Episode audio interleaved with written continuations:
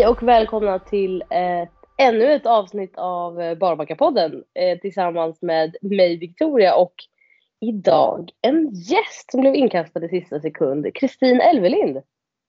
Välkommen! Halloj! Tack så mycket.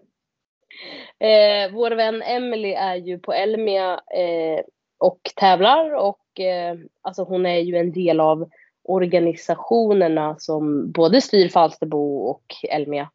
Och eh, hon fick hoppa in som speaker idag lite hastigt och lustigt och då fanns det ingen eh, poddtid ledig. Eh, så då ryckte vi lite trådar och så bestämde vi att eh, vi ville ha med en sidekick idag och då blir det du Kristin. Jajamän. Vad tycker du om det? Det blir spännande. Ja, men jo.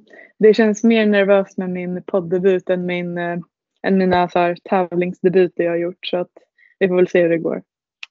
Jag tror att det kommer gå strålande. Du är ju en inbiten hästtjej och för den som inte vet vem du är, kan inte du berätta lite vem du är? Eh, jo, ja.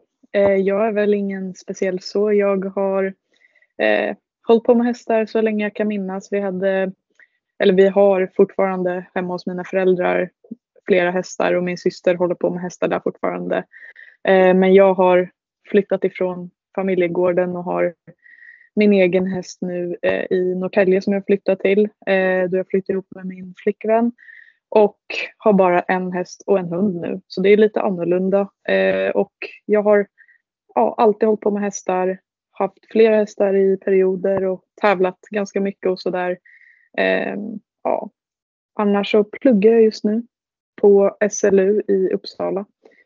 Till nå någonting. Eh, det heter hållbar utveckling. Hållbar utveckling. Så jag tänker att jag blir någonting bra för miljön och klimatet och världen som jag ska jobba med sen. Kul! Du, du och jag har ju lärt känna varandra hos eh, Emily och eh, du har ju både varit hästskötare åt henne, du har jobbat i hennes stall, du har tränat för henne. Lite samma som jag har, men vi har varit olika engagerade och involverade. Du är eh, några år yngre än mig. Jag glömmer alltid bort många. Jag är 00 eh, så jag fyller 21 eh, i november. Bara barnet. Men du, när jag var, hade min häst på Brolöten så jag minns inte om du jobbade hos Emily eller om du, du gick väl i skolan och tränade för, för Emily? Ja, det började väl med att jag 2012 eller 2013 någonstans där började träna för Emily och sen mm. så började jag hjälpa till på helger och lov så i stallet och sen mm. så ja, blev det mer och mer och ja, sen så var jag lite hästskötare och red lite ponnyer och så blev det mer och mer. Men sen, sen since 2013 typ. Och eh, din familj har en gård ganska nära Strängnäs. Precis. Och alla dina eh, systrar, höll jag på att säga, rider. Ni är ju tre systrar som har både ridit och ärvt eh, varandras eh, eh, ponnyer och hästar, eller hur? Ja, precis. Eh, vi red alla tre eh, ja, jag vet inte vilket år det var som vi alla tre höll på sist. Det kanske var typ 2016, något sånt där. Eh, 17. Och sen eh, min lilla syster hon slutade sen rida när hon sålde sin sista ponny. Och min äldre syster hon tog en paus i hästarna en period och så fick hon en dotter. Och sen eh, har hon tagit upp hästintresset nu så nu är det hon som har stallet hemma hos mina föräldrar. Men jag har ja, så de två har tagit varsin paus och nu så flyttar jag iväg. Men det är som du säger, Elisabeth hon har ju också både jobbat och tränat för Emelie. Det kanske var Elisabeths fel att du hamnade på Brolöten, kan det vara så? Jo men det stämmer. Eh, det är hennes fel alltihopa. Det var därför jag kom dit från första början. Eh, hon eh, gick ju på Strömsholm Eh, och behövde en häst. Jag vet inte om det var andra året eller något sånt där. Och så skulle de köpa en, en stor häst då för hon hade en ponny och man behövde ha en stor häst. Och då så låg Kadish, hästen eh, som hon då sen köpte av Emily ute till salu. Och sen så var väl hon och provred lite och sen så blev det att hon hade kvar Kadish på Brolöten tills hon skulle flytta till Strömsholm. Och då hängde jag med några gånger dit och sen så ja, provade jag att träna för Emily och sen ja, på den vägen är det kan man säga. Och du har eh, ridit och tävlat både ponny och storhäst. Eh, har du fått ärva alla dina hästar av Elisabeth eller har du några, haft, fått några egna? Eller fått? Eh, ärva var en stor del, men eh, inte bara. Jag eh, ärvde först en shetlandsponny, sen en B-ponny och sen en C-ponny. Och sen C-ponnyn den var väl alldeles för svår för mig och då eh, så blev jag lite rädd och tyckte det var väldigt otäckt att rida framför allt. Eh, eller både att rida och hantera för att den ponnyn stack iväg med mig och jag flög efter och ramlade av hur mycket som helst. Så då eh, skulle vi köpa en eh, Liksom, det viktigaste var att hästen skulle vara snäll. Så då köpte vi en Tinker-ponny kan man säga. Eller en Irish mm. Cobble någonting. Som var, ja, han var liksom jättesnäll och lugn och harmonisk. Så då köpte vi honom och det var min första egenköpta häst. Sen fick jag ärva en ponny däremellan efter Dream som han hette. Och sen efter det så köpte jag en häst av Emily lägligt nog. Då när jag hade tränat för henne, inte jättelänge men då köpte jag Ellie och det var min första valda häst, storhäst då. då. Mm. Och du har tävlat både ponny och häst. Var bara dressyr eller också hoppning och eh, eh, vilka klasser? Jag har tävlat både ponny och storhäst och ponny har jag väl tävlat upp till lätt A. Det var ingen bravur på det sättet men sen när jag köpte Ellie så fick jag väl lite mera blodad tand för tävling. Eller jag tävlade en del innan men det var liksom mest på skoj. Eh, min pappa brukade säga när vi kom till tävlingen, kom ihåg att ha kul men det är roligast om man vinner. Eh, men det gjorde jag ju typ aldrig ändå men eh, ja, vi, sen när jag köpte Ally då, då, så tävlade jag upp till nationell medelsår B då som junior.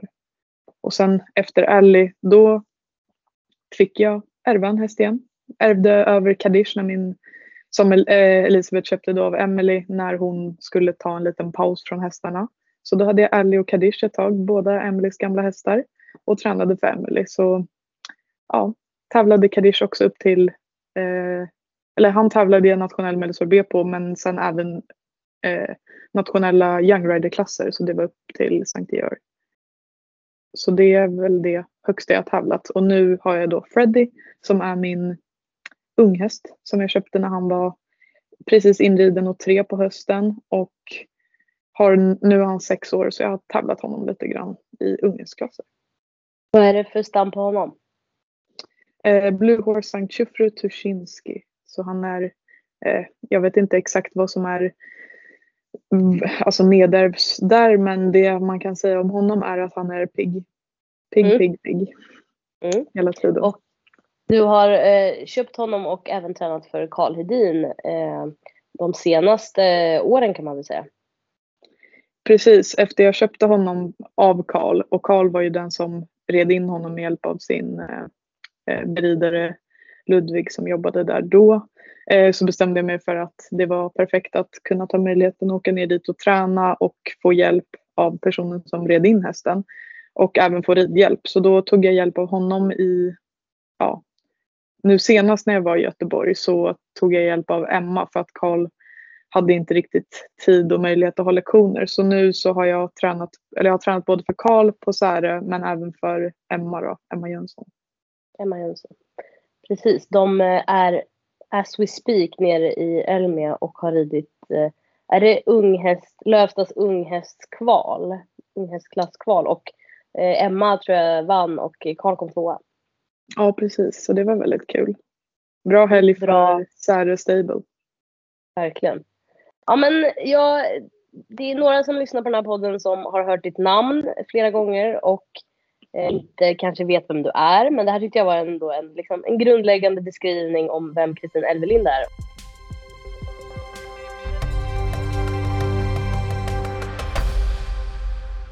Ja, men, eh, du och jag har ju hängt väldigt mycket i stallet. Eh, lite utanför, men mest i stallet. Och jag har alltid sett dig som en ung, ung, hårt arbetande tjej som många i stallmiljön är. Alltså när jag var yngre så var jag också där liksom, jämt mer eller mindre och när jag tävlade mycket eh, hoppning på ponny så tänkte jag att det här kan jag nog bli riktigt bra på. Och så någonstans längs vägen så kanske man inte tycker att det är lika kul eller man, man får andra intressen eller man inser att det finns mer att göra. Och någonstans så, jag vet inte. Eh, hur, hur tänker du och hur, För vi är två vanlisar. Eh, eh, Emelie är inte med idag och hon gör ju det här professionellt och vi gör det här för att vi tycker det är kul men vi gör det också på lite andra premisser. Nu har ju du förvisso haft ett stall hemma och fått hjälp på det sättet och herregud, jag har fått hjälp av mina föräldrar kring eh, när jag hade ponny också. Så att, och det tror jag är väldigt många liksom, yngre tjejer och killar som rider ändå får. Men lite det här med att så här, hur, vad är det som avgör att man liksom slutar kanske satsa? Och vad är det som gör att man fortsätter att hålla på när det börjar kosta egna pengar? Ehm, jag vet inte, jag tänkte att vi skulle prata lite om det idag. Att hur vi som eh, hobbyryttare ändå liksom eh, får ihop livet och vad det är som motiverar oss och vad det är som gör att vi kanske inte blir liksom eh, elitryttare. Eh, förstår du lite vart jag vill komma och eh, vad tänker du Kristin? Så du menar att jag har gett upp min eh, dröm om att bli proffsryttare? ja. Ja, alltså ja och nej. Jag kan ju fortfarande bli ett proffs men jag tänker väl att alltså det finns ju andra grejer jag vill göra i livet. Eh, och jag tänker att då så stör hästarna lite faktiskt för att de är lite dyra och de är lite, eller tar lite tid. De är jättedyra och de tar jättemycket tid. Och ja, jag vill ju fortfarande hålla på med hästar eh, och jag tycker att det är kul men jag tycker att det är helt alltså perfekt nu när jag bara har en häst. Jag hade ju bara en ponny och så då också. Men efter att ha haft jättemånga hästar och jobbat i stall och hållit på väldigt mycket och varit med på tävlingar och sådär så tycker jag att det är jätteskönt att bara ha en enda häst och hålla på med bara min Freddy och skämma bort honom så mycket jag vill och lägga alla mina pengar på honom och verkligen kunna försöka göra en satsning vid sidan om mina studier och liksom extra jobb och sådär med bara en häst. Så att ja, jag har väl liksom gett upp mina planer på att ha ett stall med tio hästar och tävla och träna på heltid men då tänker jag att jag har skalat ner mig till att försöka satsa så mycket jag kan med bara Freddy nu då. Mm. Och se hur långt jag kan komma med honom. Och så får vi väl mm. se vad som händer liksom. Men känner du att du hade någon gång i någon tid i livet som du tänkte att du nog skulle satsa på det mer? Alltså jag pratade om att när jag var ponny och hoppade mycket så tyckte jag att jag var duktig och tänkte att jag kunde bli något liksom inom situationstecken. Men, men har du känt det någon gång? Ja, alltså när jag, eh, min största idol på, på ponnytiden, det var, då var det väl Tinne Wilhelmsson som man verkligen såg upp till och då tänkte jag någonstans att ja, men jag ska ju bli som henne och tävla OS och vara med i världskuppen och åka land och, land och rike runt menar jag inte, jag menar jorden runt liksom med, med hästlastbilen och flyga hästarna till andra länder och tävla. Men sen så jag vet inte riktigt när det liksom slog mig. Det var väl kanske när jag eh, träffade min tjej och bara fick lite så perspektiv på att nej, jag kanske inte bara vill hålla på med hästar utan jag kanske vill göra lite annat vid sidan om också. Och sen när jag skulle börja plugga för att det tänkte jag väl egentligen alltid att jag skulle göra men för att ha mer någonting att landa tillbaka på om det inte skulle funka med hästarna. Men sen så har jag väl tyckt att det är väldigt skönt att bara ha en häst och hålla på på den nivån jag gör nu. Men jag hade väl en tanke att jag skulle bli ett proffs och ha jättemånga fina hästar och unghästar och hålla på. Men jag blev lite avtrubbad också när jag höll på som mest med flest hästar och åkte och tränade jättemycket och sådär och jobbade mycket i stallet för att det blev ju jobbigt. Det är ju jobbigt att bara ha en häst och ansträngande men det var jättejobbigt ett tag att hålla på så himla mycket så då tänkte jag att då får vi väl se hur det går att bara ha en häst så testar vi på det lite. Ja men det är ju många som alltså, får förmånen att, att hitta bra stall de kan vara i och hjälpa till i och, och jobba och alla har ju olika setups. Antingen får man betalt i pengar eller så får man betalt i lektioner eller så får man rida på en mycket finare häst. Och det är ju någonstans där liksom intresset går till att bli bara rida på ridskola och att man kanske tänker att man faktiskt kan bli någonting mer eller, eller göra någonting mer. Och jag tycker det är väldigt fint när man hittar ett sånt ställe och när man får en sån chans att man, man verkligen liksom, det, det tänds drömmar precis som det gör liksom när man ser på tvn och världskuppen och Tinne Wilhelmsson när man är liten. Att man, när man kommer liksom lite närare på något sätt så är det som att man liksom känner att det skulle kunna bli något. Men samtidigt så är det ju en så stor del av ens liv och jag vet att för mig vände det väl någonstans liksom 18-19 när man insåg att man typ kunde gå på fest en fredagkväll istället för att hänga i stallet. Och det, eh, jag vet inte, det var, så för mig kom det väl typ då. Och jag tror att för många så tar ju den där drömmen om att bli bäst, liksom, den tar väl kanske slut någon gång där kring. Eh, och vissa ger aldrig upp. Men, men det är som du säger, det är också ofta hårt slit som gör och mycket liksom, många timmar som gör att man kanske inte tycker att det är helt värt det. Precis som du säger, man får andra eh, saker som man vill lägga tid och pengar på. Eh, det är väl eh, fullt naturligt. Och ja, det, det, är väl skönt att man också hittar sitt liksom, hästägande eller hästintresse längs med vägen. Alltså, behöver inte alltid se likadant ut. Och då är ju din syster ett bra exempel på det som tog en paus när hon var mamma till exempel. Men nu har kommit tillbaka och tävlar och tränar igen. Um, och att det är ju, alltså livet ändrar ju sig och vi pratar ofta om det men att hästarna på något sätt består. Uh, men just att det är så, uh, att, att det är fint att man kan ha det på olika sätt. Jag menar jag rider ju en gång i veckan nu och tycker att den setupen funkar toppen. Men om tre år så vill jag rida på min unghäst fyra gånger i veckan. Um, och det är väl målet liksom. Sen vet man ju aldrig vad som händer längs med vägen. Nej, precis. Det är liksom, det är mycket med hästar och det är jobbigt och det blir långa dagar. Vare sig man har en häst som man åker till efter jobbet eller skolan eller om man liksom jobbar i ett stall, då är det ju oftast, ja, ibland ännu längre dagar. Och så får man ju bolla lite vad man tycker är värt och om man verkligen vill satsa på hästar, då är det jättebra möjlighet att få vara i stall. Och det var jättebra möjlighet för mig att jobba på brorlöten och testa på det. Och det var ju lite där jag insåg att nej, det här vill inte jag hålla på med hela livet, hela dagarna, utan det finns annat jag vill göra i livet också. Resa lite och hitta på andra grejer och åka på någon längre resa någon gång. Det funkar ju inte riktigt om man står med ett stall med liksom tio hästar i träning och ska ha hästägare och ha lektioner och få det där att gå på snurr för det är inte så enkelt att få en sån ekonomi att gå ihop liksom.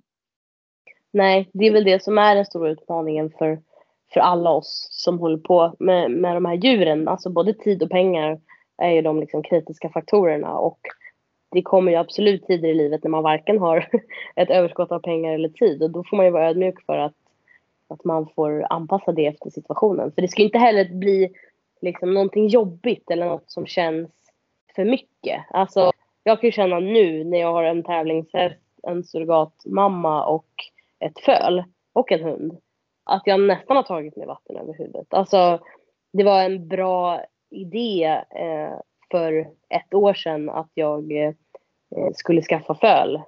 Drygt ett år sedan. Det var en bra idé för tre månader sedan att jag skulle skaffa en hund. Och det betyder inte att jag ångrar någonting av det.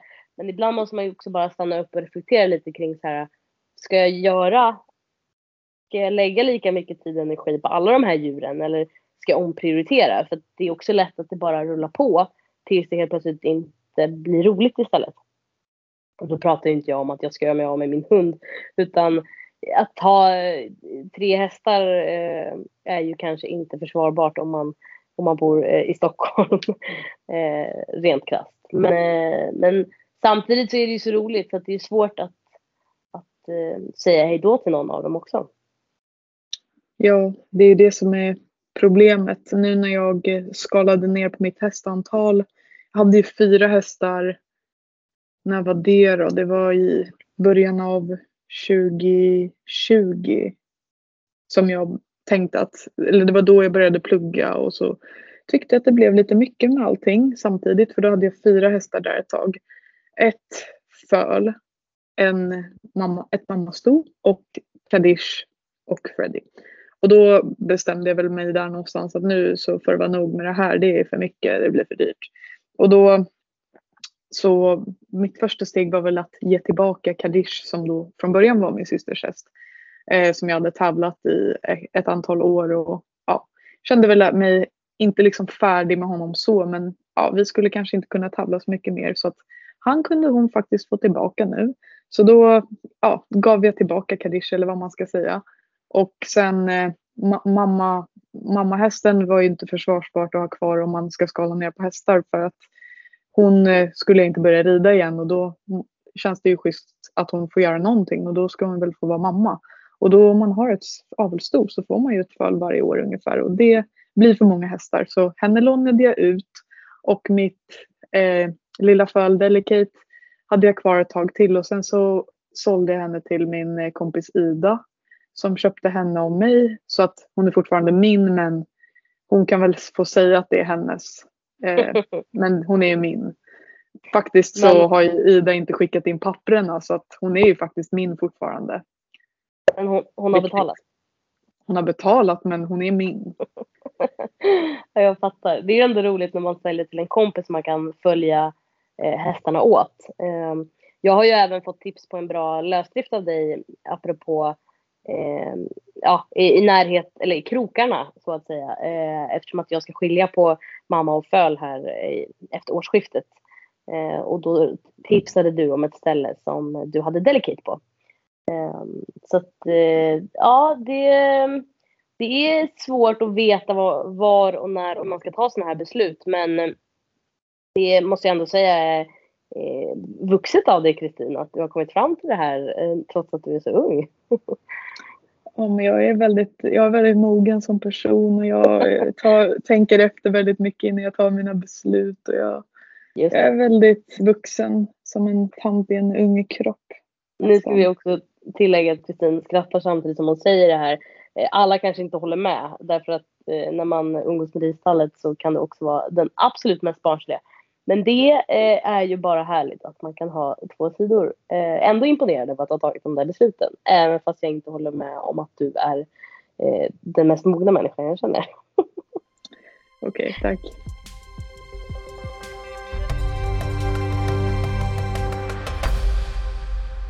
Ja men Kristin, apropå hästar så har ju du faktiskt tävlat med min häst. Och det var ju inte helt eh, kanske enligt plan, men eh, det blev väldigt roligt. Eh, min häst har ju varit dressyrhäst från början och det är hon ju inte längre. Hon hade en väldigt kort eh, dressyrhästkarriär.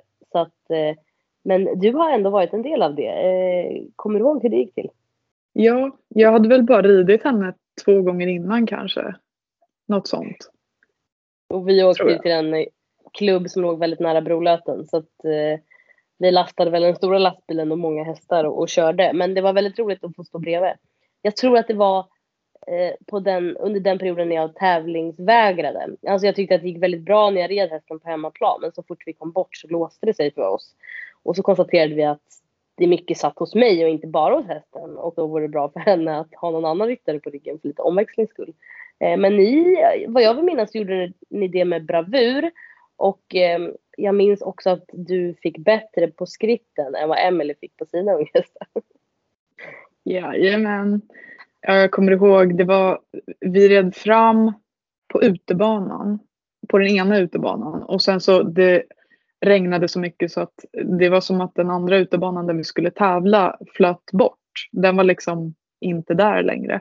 Så då ändrade de att vi skulle rida i ridhuset och så blev det fördröjning och jag var ju redo att gå in och tävla. Men det var ju inte riktigt läge eftersom ja, det blev fördröjning och allting. Så jag och Pivet vi skrittade runt där och det gick väl bra. Och sen helt plötsligt så skulle vi in där på banan och jag bara, ah, kommer jag ihåg programmet nu? Ja, absolut. Och jag skulle göra enkla byten med Pyret och jag minns väl det som att hon inte riktigt Ja, jag vet inte om hon inte, hon hade väl inte riktigt 100% lärt sig det där ännu eftersom det var väl, jag tror kanske att det var finalprogrammet för femåringar. Ja. Jag gick in där på banan och tänkte att ja, vi får väl se hur det går. Och det där ridhuset var väl inte Pyrets bästa plats i livet som hon har varit på. Eh, så vi hade väl, jag vet inte, det är ju inte riktigt det de bedömer, eller ja, det drog väl ner en del på lösgjordheten. Men Pyret, jag tror hon vände sig om i ridhuset, alltså 180 grader två eller tre gånger och en av dem var mitt framför domaren. Så att jag kommer ihåg att jag tyckte väl inte att det där var min bästa ritt men, men det, var inte no, det var bra poäng ändå. Speciellt med tanke på våra extra konster som rullade in. Ja, det låter väldigt mycket som min häst. Hon kunde ju få för sig eh, saker, framförallt i ridhuset som hon var väldigt bestämd kring och eh, då eh, var det bara att försöka sitta kvar. Men eh, det lyckades du göra. Jajamän.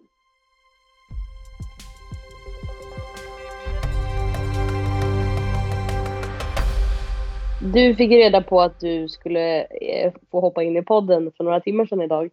Och då eh, skrev du till en kompis och jag skrev till en kompis om att vi ville ha en fråga som var mer riktad till dig och mig än våra vanliga Barbockapodden-frågor. Eh, och då fick vi ju en fråga som var att vi skulle dela med oss av våra bästa stalltips. Så att eh, jag säger att du får börja. Yes. Eh, och jag har ju då tänkt på det här stalltipset då i ja, men, en timme ungefär och jag kom på en grej direkt. Och mitt mm. bästa stalltips det är också en uppföljning på eran, en av era senare poddar om muggtips. För att jag har det bästa tipset för mugg och jag mm. har det bästa tipset precis. Liksom, det är bara så. Det här är det bästa man kan göra. Och då kanske de här silverstrumporna kanske är bättre. Men det här är då mycket mer ekonomiskt och därför är det bättre. Eh, så det, det, man ska göra det är då att tvätta med Hibby skrubb mm. som ni redan har tagit upp. Men det här funkar också på hästar som sparkas. Eller det beror på hur mycket de sparkas såklart. Men när Freddy hade mugg så testade jag det här och det funkar skitbra. Så man tvättar så gott det går med varmt vatten och Hibby skrubb och försöker få bort så mycket som möjligt. Men sen så ska man använda en grej som heter Animal Intex som jag har fått av min veterinär. Det är, mm. man kan köpa det på Högs, det är som ett eh, bandage som är ja, i en liten plastpåse. Så klipper man ut en lagom stor del för muggområdet. Och sen så mm. blötlägger man den här så att den är fuktig för det finns som något slags medel inuti den. Och sen mm. så lägger man det då an på själva muggområdet. Och mm. ja, sätter bomull och linda och så beroende på vart muggen sitter. Och sen låter man det sitta i typ 24 timmar minst. Man kan låta det sitta i typ två dygn också. Men det här det liksom löser upp allting. Så att om det är svårt för dig att liksom stå och skruva bort alla de här cystorna och skorven som man måste få bort för att bakterierna sitter där i. Så kan man helt enkelt då sätta på det här så lossnar de av sig själv. Och mm. sen när man har haft på det här så kommer jag nu till mitt bästa tips efteråt. Det är att när du har haft på det här, du kan behöva upprepa den här proceduren ett par gånger tills muggen är helt borta beroende på hur mycket du har. Men efter det ska man använda K9s hovsalva. Hovsalva, ni hörde rätt. Det är alltså deras hovbalsam. Det ska man sätta på för att det är väl liksom egentligen inte anpassat till hovar, eller det är det såklart, men det är liksom fuktgivande och ja, fråga mig inte hur jag kommer fram till det här för jag har alltså då testat det här och det funkar jättebra. Hov salvan som K9 har, den sätter man liksom på som salva när man har tagit av det här bandaget och tvättat och torkat. Alltså, alltså hovfettet? Ja men det är typ inte som ett hovfett utan det är som lite mer som ett hovbalsam men det är typ som en salva. De har ju också gjort reklam för det här att man kan använda det som handkräm. Och mm. därför, det är ju då inte skadligt för jag har ju då testat det här på min egen häst på eget bevåg men mm. jag har testat det och det funkar jättebra och det alltså när jag gjorde den här proceduren så funkade det jättebra. Framförallt på Freddy då som inte tyckte om att tvätta muggen eftersom det gör ju ont såklart och han sparkade och höll på och vi blev väldigt mycket ovänner. Men mm. det här är det vinnande konceptet så allt annat kan man bara slänga i väggen. Wow, eh, superbra tips och jag kommer kräva dig på bilder så får jag lägga ut det här på Varvakapodden så att vi kan förklara de stegen även bildligt så att folk tar rätt sak i, rätt ordning när de provar det här supervetenskapliga eh, eh, testet. ja, men jag har ju eh. testat det här på, eh, på fyra hästar kan man säga. Inte bara min egen utan jag har även tipsat andra. Och jag har nästan kommit fram till att det här är ju som en typ av forskningsstudie. Eftersom det funkar på fyra hästar så har jag ett bra underlag till att det borde ja. funka på alla hästar. Du kanske ska ta med dig till SLU där du pluggar för de bedriver ju så eh, forskning. Tänker jag. Mm, absolut. Så ta med dig till skolan och sen så kan ju det bli du kan ju kanske få Nobelpris för det här om det verkligen liksom vill sig, tycker jag. Tänker, jag. tänker du litteratur eller tänker du medicin eller? Mer kanske det animaliska Nobelpriset. Finns det? Nej. Men jag tycker ändå det borde finnas. Ja. Ja, men absolut, inför... det ska jag driva på. Jag kommer personligen ge dig en en nobelprismedalj om eh, det här funkar nästa gång jag testar det. Eh, och om det är någon som hinner testa det innan mig, vilket det förmodligen kommer vara för att jag har inte så mycket problem med mugg just nu. Då får ni jättegärna också höra av er och berätta om Kristins eh, supermetod och hennes bästa stalltips fungerar. Men jag vill höra ditt stalltips nu. Ja, men jag har funderat eh, också i typ eh, tio minuter samtidigt som vi har spelat in här och jag kommer med ett lite kontroversiellt tips här. Eh, som säkert någon kommer sparka bakut kring. Men då är det så här att när jag har ridit och ska putsa, vilket jag gör varenda gång efter jag har ridit, så tycker jag att det, mycket av tiden som man lägger på själva putsningen är ju liksom att få bort smutsen Alltså det är väldigt lite tid som går åt lädervården. Jag ser det nämligen som att man delar upp det i två steg då. Att först ska man få det liksom rent från skit och sen så ska man ta hand om det. Liksom göra det mjukt och återfuktat och liksom ett och två. Eh, Kommer du här med ett tips om att alltså skölja hela tränset i vatten? För det har jag gjort nämligen och det är så bra. Men nu får inte du ta mitt tips ifrån mig för att det här är mitt bästa tips och jag framstår som ett ufo varje gång jag är inne i sadelkammaren för att alla tittar på mig. Och då säger jag alltid så, ah det var så skitigt så att jag var tvungen, typ så. Men jag gör det varje gång, men det är ingen som vet det. Eh, eller jag vet inte, någon har säkert genomskådat mig, men jag eh, kommer aldrig erkänna det här eh, om någon skulle konfrontera mig i en sadelkammare. Det som sägs i podden sägs i podden, men inte i sadelkammaren. Eh, Nej men så att man tar in träns, gärna sadeljord och benskydd samtidigt. Alltså saker som behöver göras rent. Och jag är inte så mycket för att så här, du vet, ta bort skiten med en, eh, vad heter det, eh, borste eller eh, Alltså så här, ja, det måste bli rent på riktigt, det kan inte bara bli halvrent. Så att jag agerar typ tvättmaskin varje gång jag har ridit. Eh, fast då i, i, i sinken eller i diskon. Men, men främst då, jag förstår att man inte kan kanske alltid kan göra rent benskydden med vatten för att de kanske inte hinner torka till nästa pass. Eh, men annars så är, eh, går jag loss eh, med allt. Eh, och ja, jag tar in tränset under vatten, eh, rinnande vatten, sköljer av allt. Men man, man tar ju mest vatten där det, inte, där det är mest skitigt eller där det är svårt att komma åt. Alltså så här, på nosgrimman eller nackstycket eller sidostyckena. Eller liksom så här, ja, man, man kanske tvättar mer än vad man behöver med vatten. Och efter man har gjort det, för då kan man ju tänka, åh vad synd det är om lädret. Nej, men då torkar man av det väldigt noggrant och eh, eh, liksom man har en, en trasa så att det blir helt torrt. Eh, dels så går ju det här snabbare, men så blir det också väldigt mycket renare upplever jag. Och då tänker alla, ja ah, men stackars lädret, nu är det uttorkat och så. Nej, då fettar man in det. Jag är inte så mycket för den här sadeltvålen liksom, utan jag är mer för att liksom, få bort smutsen under vattnet och sen eh, använder då fettet för att, eh, för att återfukta det. Och det är inget trend som är så fint som det som jag har putsat, eh, skulle jag säga ändå, när jag tittar och jämför med de andra. Så att jag hävdar att det här är ett eh, supertips. Jag håller med. Eh, jag kan även tillägga att jag har gjort det här med sadeln. Eh, och det kanske låter jätteilla men eh, då hängde jag liksom upp sadeln i, i spolspiltan och liksom duschade av hela sadeln. För det är liksom väldigt svårt, framförallt det här var ju en lite äldre sadel och det var liksom väldigt mycket ingrott smuts när jag köpte den. Och då verkligen ja, men så här, sköljde jag den in i alla sömmar och allting. kan man ju inte göra på sadeln varje dag såklart. Det här gjorde jag bara då och då. Tänker inte säga ofta.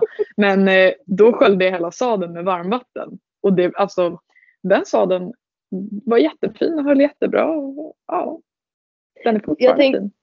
Jag tänker en sak som, som folk liksom blir upprörda kring nu, det är stoppningen. Det finns ju stoppning i både sadlar och eh, i träns, alltså där det är lite vadderat och mjukt. Och den är väl det som skulle kunna börja mögla eller ryka eller på något sätt inte bli bra. Eh, så att just att gå på sadeln vet jag inte om jag hade vågat, men kanske. Ja, men man, man gör det man känner känns bäst. Och jag ja. eh, tänker bedriva forskning kring det här också, tänker jag. Ja, men vad skönt. Då tar du med även den pucken till SLU. Absolut. Jag, eh, jag sneglar på min hund här. Jag har åkt och köpt en, en riktig hundsäng till honom. Han har bara fått ärva min eh, tidigare hunds, alltså min förra hund som tyvärr inte lever längre. Hennes gamla hundsäng. Men den har ju såklart bitit sönder eh, på alla håll och kanter. Så att nu har jag vågat investera i en dyr, lite finare hundsäng. Och jag vet inte om det var jättedumt för att han är ju som sagt bara sex månader. Så att jag lär väl få ångra det här. Men nu blev jag lite glad för att nu gick han och la sig i den. Innan har han liksom demonstrativt legat på sidan. Så nu känns det som att det var fint i hjärtat här nu att mina investerade pengar gick till hans eh, skönhet, vad säger man? så att han kan ha det skönt. Så att han kan vila upp sig så han kan bita sönder allting sen. Exakt. Den har också väldigt fina läderdetaljer och jag tänker de jag, jag, jag sätter hundra spänn om de inte finns kvar där om en vecka. Mm. Du säger inte emot? Nej, jag säger inte emot men jag vet inte. Hundar de gör som de vill och om de känner att de vill äta upp en hundsäng så tycker jag att de har rätt att göra det. Ja, det, jag håller med. Det är vi som är korkade som köper eh, dyra fina saker till dem. Så att de behöver ju faktiskt inte det för att må bra.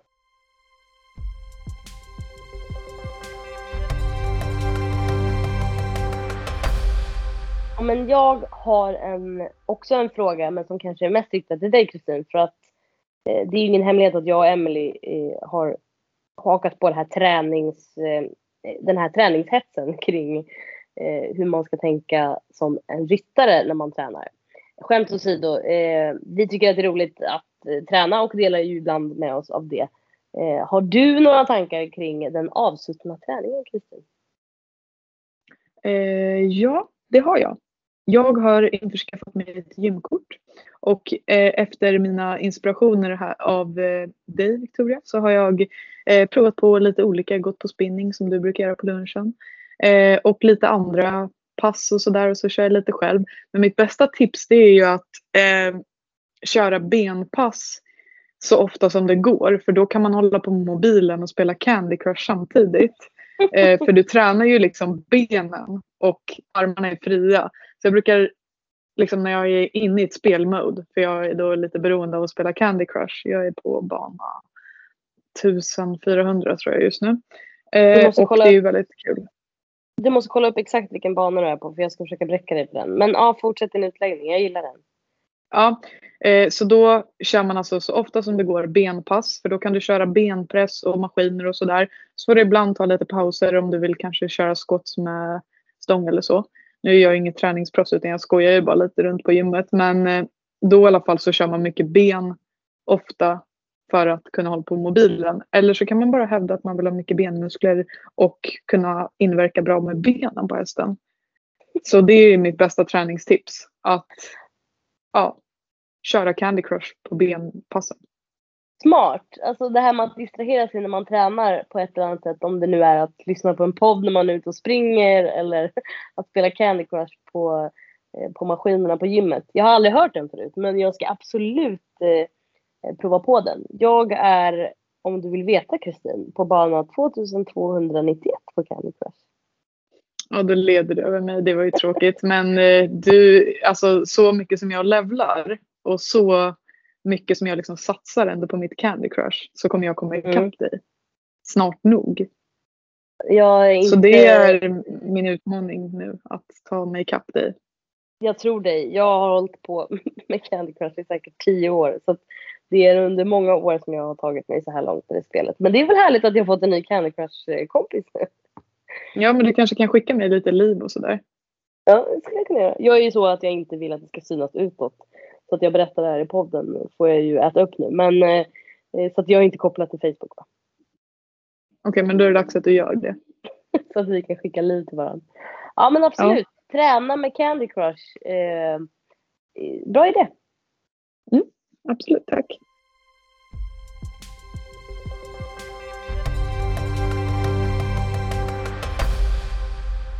Ja, så nu när jag har gjort min poddebut här så är min fråga om vi bara typ ska sparka Emily från podden helt eller om vi ska låta henne vara med ibland. För nu så känner jag ju att jag, ja, men jag, är som, alltså jag tänker att jag kan skriva upp på mitt CV att jag är professionell poddare, att jag har poddat mycket och lagt ner mycket tid på det här och att jag kanske borde starta upp en egen podd. Men då tänker jag att ni har ju redan en plattform här och då kanske mm. jag bara kan ta över den. Och då tänker mm. jag om du vill haka på eller om, ja, om vi bara ska sparka ut Emelie eller om hon ska få vara med. Och du och Ida tar över den här podden när jag och Emelie inte längre orkar. Ja, det är väl en jättebra idé. Ja, eller om du känner att du vill hoppa av så kan jag köra vidare med Emelie. Vi kan säkert skratta oss igenom den här men då kommer det nog inte bli mycket vettigt sagt. Nej, jag tyckte det här var en väldigt bra idé. Jag ska framföra den till Emelie för att se vad hon säger. Det känns i alla fall skönt att, att vi har klarat av eh, poddebuten tillsammans och att eh, du med så kort varsel kunde hoppa in eh, och leverera. Det är ändå starkt när man inte är van i att vara i ett sånt här typ av forum. Alltså för du, jag ser heller inte dig som en person som älskar att stå kanske lika mycket i centrum som både jag och Emelie. Alltså, jag tänker att det är en större utmaning för någon som pratar lika eh, högt och mycket som hon och jag. Men jag tycker att eh, du verkligen har visat att du platsar i podden. Ja men tack. Ja men det är kanske en bra beskrivning. Jag, eh, jag gillar att prata när jag känner mig bekväm och det här var ju kanske inte det mest bekväma jag har gjort så. Men eh, alltså jag kan absolut ta för mig plats när jag känner att jag vill det. Så att, ja. Ja, så om, om ett par till avsnitt så, så kommer du inte alls vara lika städad som du har varit idag. Men jag, jag tycker mig ändå ana en, en liten eh, tendens till avslappning under avsnittets ingång. Eh, jag är som sagt lika imponerad över att du hoppade på det här idag som att du har eh, tagit ett moget beslut kring att inte ha fyra hästar. Så att eh, jag är väldigt glad att du kunde podda med mig idag när Emily fick förhinder. Eh, det har varit roligt att eh, kolla på varandra på Zoom och Teams eh, från olika delar av eh, Stockholm som vi sitter i. Eh, nästa gång tycker jag att vi får se oss på riktigt. Ja, det var faktiskt väldigt länge sedan nu. Mm. Men snart så ses både vi och hundarna. jag kan också meddela som, som uppföljning att han låg i den där hundbädden i ja, kanske fem minuter. Nu har han flyttat på sig igen. Så det var ju förmodligen de sämst investerade pengarna jag någonsin har gjort. Eh, tack för att Eh, eh, du har varit med mig idag eh, Kristin. Eh, tack för alla ni som lyssnar på Barbarka-podden. Och idag fick ni ett lite annorlunda avsnitt. Man vet aldrig vad som händer i den här podcasten. Eh, fortsätt gärna att skicka in frågor till barbackapodden gmail.com eller gå in och skriv era frågor på eh, Barbackapoddens Instagram. Där heter vi Barbackapodden! Och eh, Kristin eh, har ju lovat mig att skicka bilder här så att det kommer komma ut bevis på de här eh, Nobelprismuggbehandlingen eh, så småningom. Jajamän. Och jag skulle ju kunna tacka för att jag fick vara med men jag tycker ändå inte att jag behöver göra det utan det här är ju den typen av fame jag förtjänar minst. helt rätt, helt rätt. Du ja. eh, har länge funnits i våra tankar eh, kring po i podden eh, och du har till och med blivit önskad som gäst av någon tidigare så det var väl på tiden att du fick vara med tycker jag. Ja, men får man avsluta med att skicka en hälsning eller? Absolut. Vem ska du hälsa till? Um, eh, jag hälsar till Freddy, min häst. Jag hälsar till Love, ja. min hund. För vi får väl lyssna ja. på det här tillsammans sen. Och sen så hälsar jag till min tjej Elin, för jag hoppas att hon lyssnar nu ända till slutet när jag skickar iväg hälsningen. Sen hälsar jag till Emily och hoppas att hon tycker jag gjorde det bra i hennes podd och att jag kanske kan ta över den. Ja. Eh, och sen så, ja men jag hälsar till Chris också bara nu när jag ändå håller på. Och ja. Christian. Prussiluskan, men inte Lars alltså? Jo, han kan, jag hälsar till Lars också. Han är, han är jättebra på det han gör och han, är, han, håller, han håller ihop rullöten bra. Han är som ett tuggummi i mitten. Men eh, jag hälsar också till Christian att jag tycker han borde vara med i podden och, och lägga in sina bra skämt och sådär för jag tycker han tillför mycket bra. Men du, har väl, du vet väl att han har varit med en gång tidigare? Ja, men jag tycker han, han borde kanske egentligen också ta över podden med mig. Det är faktiskt en intressant utveckling. Eh, förra gången som han var med i podden så kom det ju in en liten oönskad avslutning. Eh, lyssnade du på den? Japp, jag hörde den. Det var kul. Det var eh, klipparen Victoria som hade missat att Christian hade tryckt på play. Eh, var det två minuter efter avslutat poddavsnitt. Så det kom en liten så Kristiansson i slutet. Eh, och jag var ju tvungen att klippa om det snabbt som tusan efteråt. För att eh, det var väl inte helt rumsrent och anständigt. Eh, men de som fick höra det fick se ett gott skratt. Och ja, det är inget mer om det kanske. Men det vore roligt med ett Christian-avsnitt igen, jag håller med. Mm. Men jag tackar för att jag fått eh, skava i allas öron ett tag och eh, så ses vi sen då när jag tar över podden. Ja, eh, och du måste skicka en bild på dig själv också så att jag kan lägga ut så att folk får ett ansikte på vem det är som skaver i öronen förutom mig på söndag. Skickar en snygg selfie. Gör det.